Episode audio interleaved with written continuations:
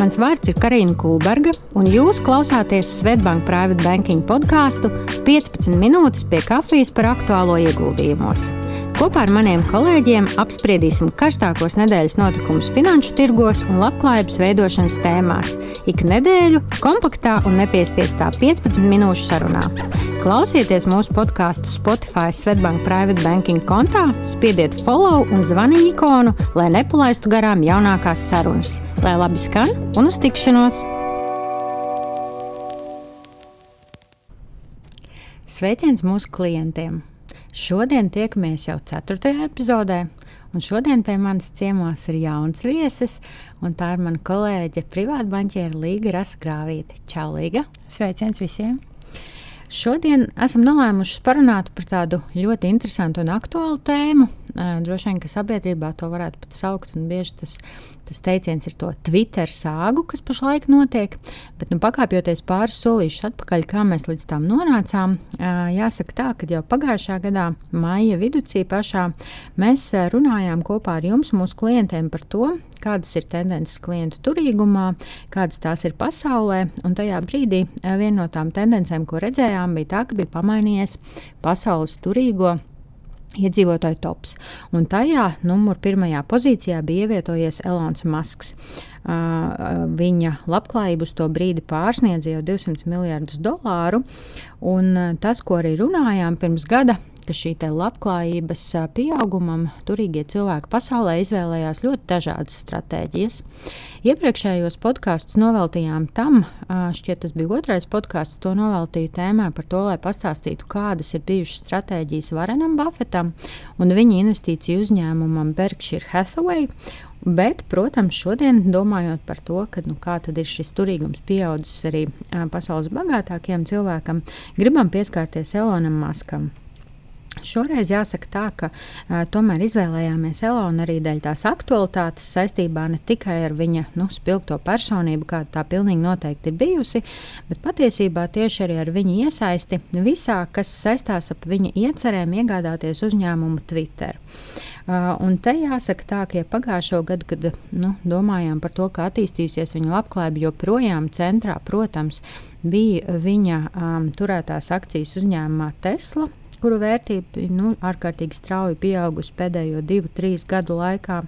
Tad jāsaka tā, ka viņš arī pirms gada minēja to, ka viņš bija izgājis no pilnīgi visiem nekustamiem īpašumiem, izņemot vienu, jo uzskatīja, ka nu, viņš nevēlas vairāk paturēt savus līdzekļus tur.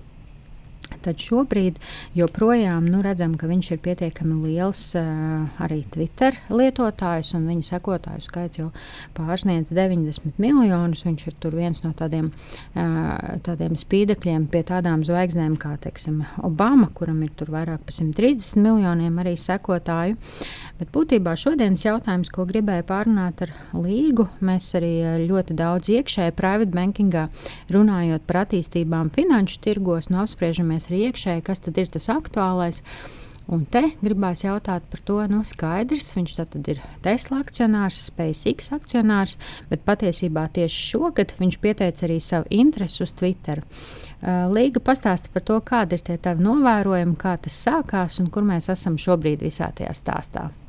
Tad sākšu ar to, ka atgādināšu, ka Twitter 2008. gadā dibināja Džeks Dorijs ar vēl četriem saviem partneriem, un tā galvenā mītne atrodas San Francisco, Kalifornijā.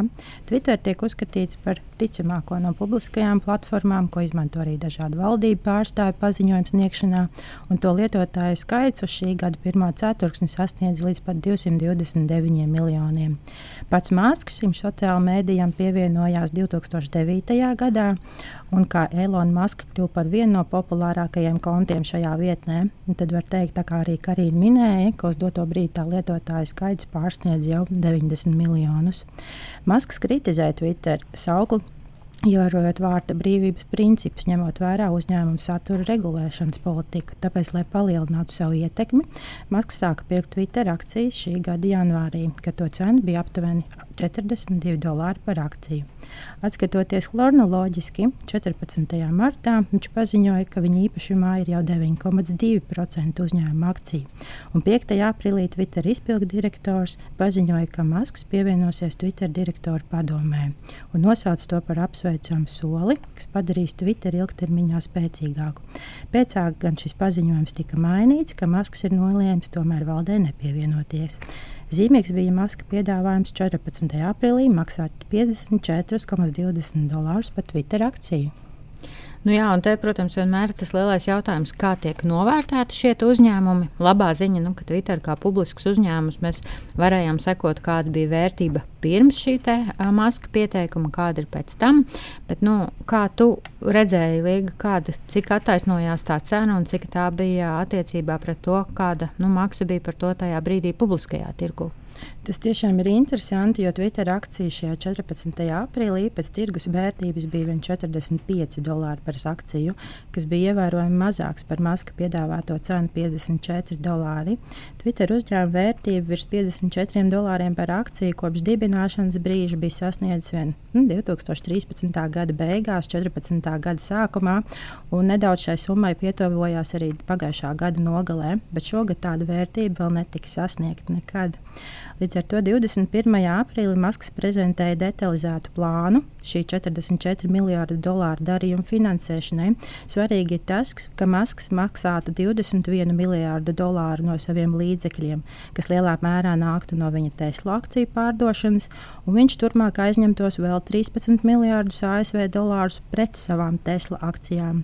Redzot konkrēto finansējumu plānu, Twitter valde 25. aprīlī pieņēma Maska piedāvājumu.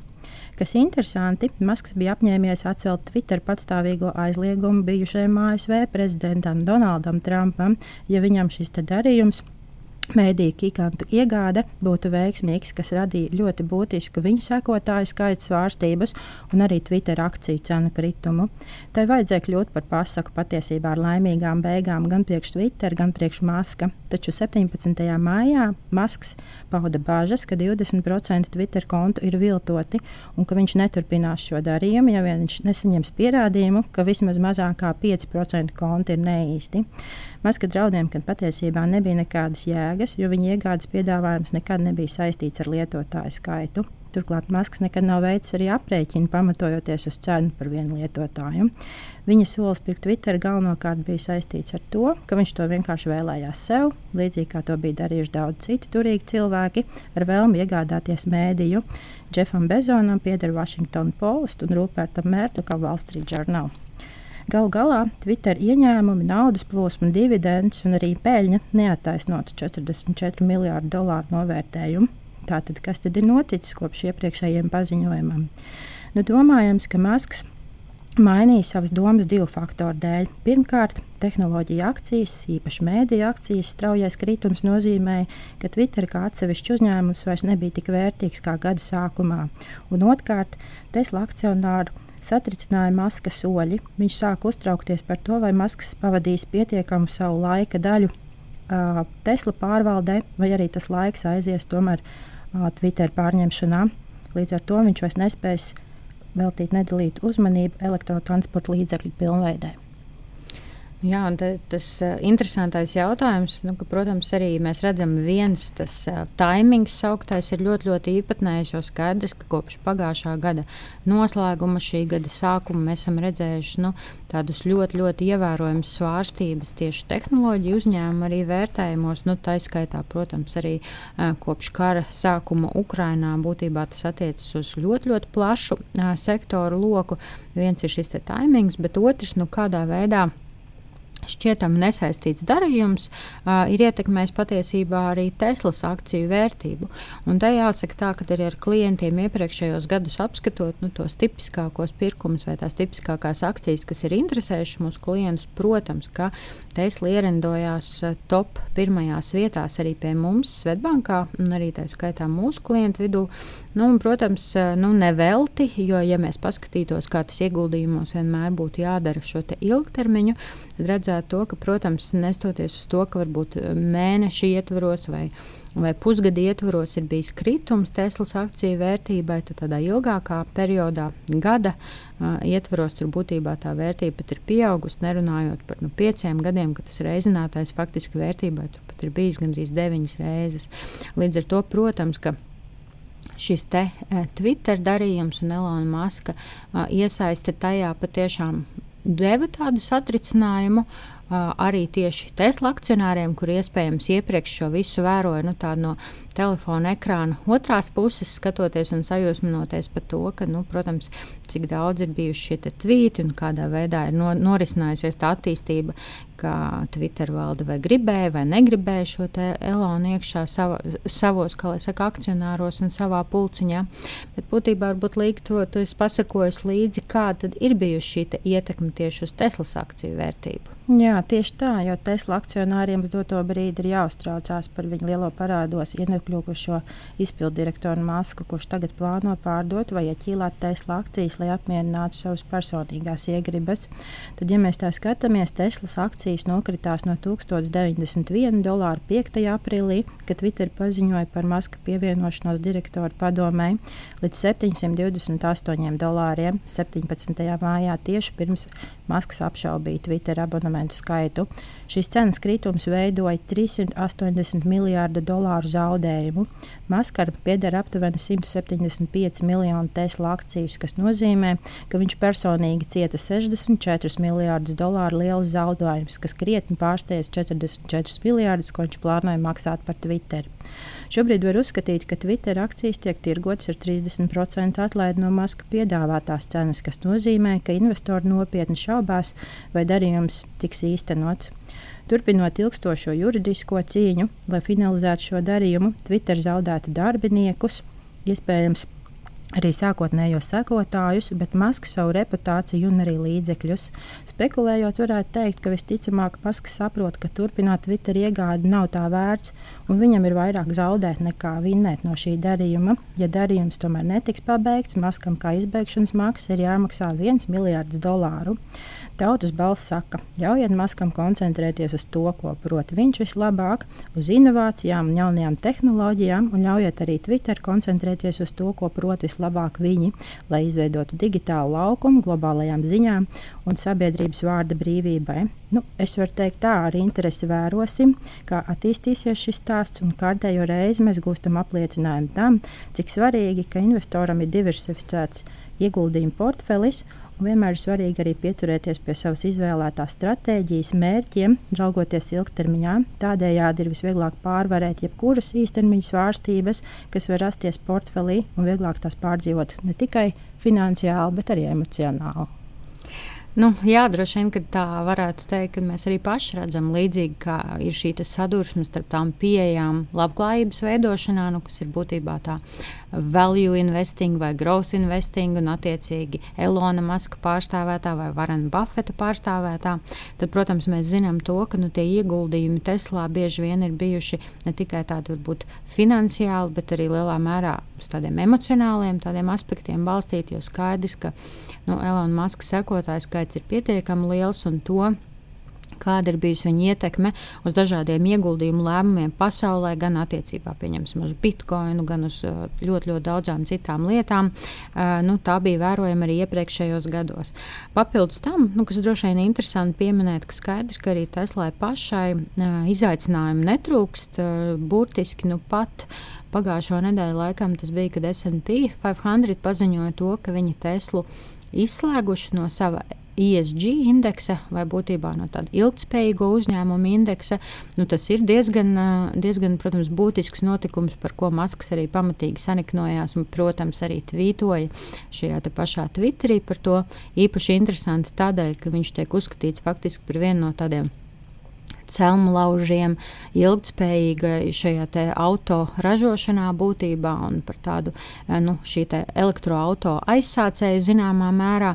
Bet neskatoties uz to, tas, ko SP 500 vērtētāji viņam pārmet, ir um, ra rasisms, darba drošības pārkāpumi un dažādi citi ar pārvaldību saistīti jautājumi pašā Teslā. Uh, līdz ar to, protams, šis te, um, risināmo tēmu lokus tur ir pietiekami liels.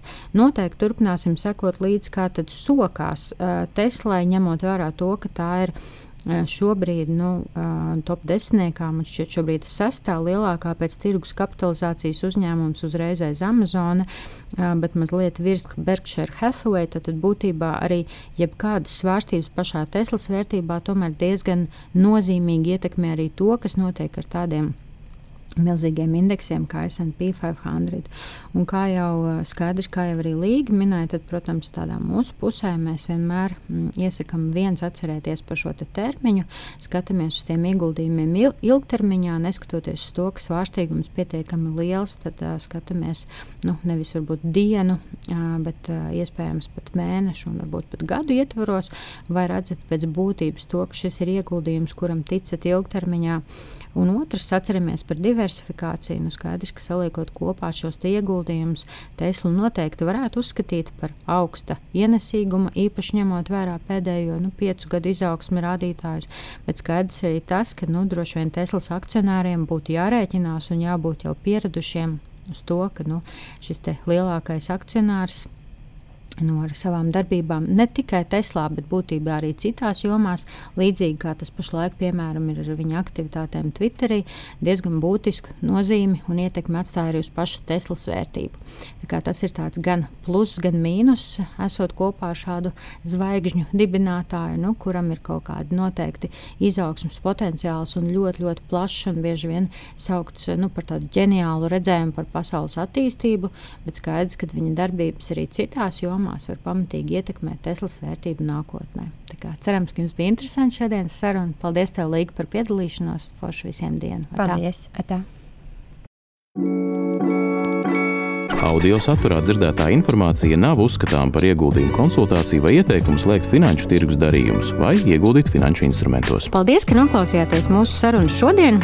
Atgādinu, ka, lai nenokavētu jaunākās epizodes, spiediet follow un zvaniņu ikonu Spotify kontā Svetbank Private Banking, lai laba diena un uz drīzu tikšanos!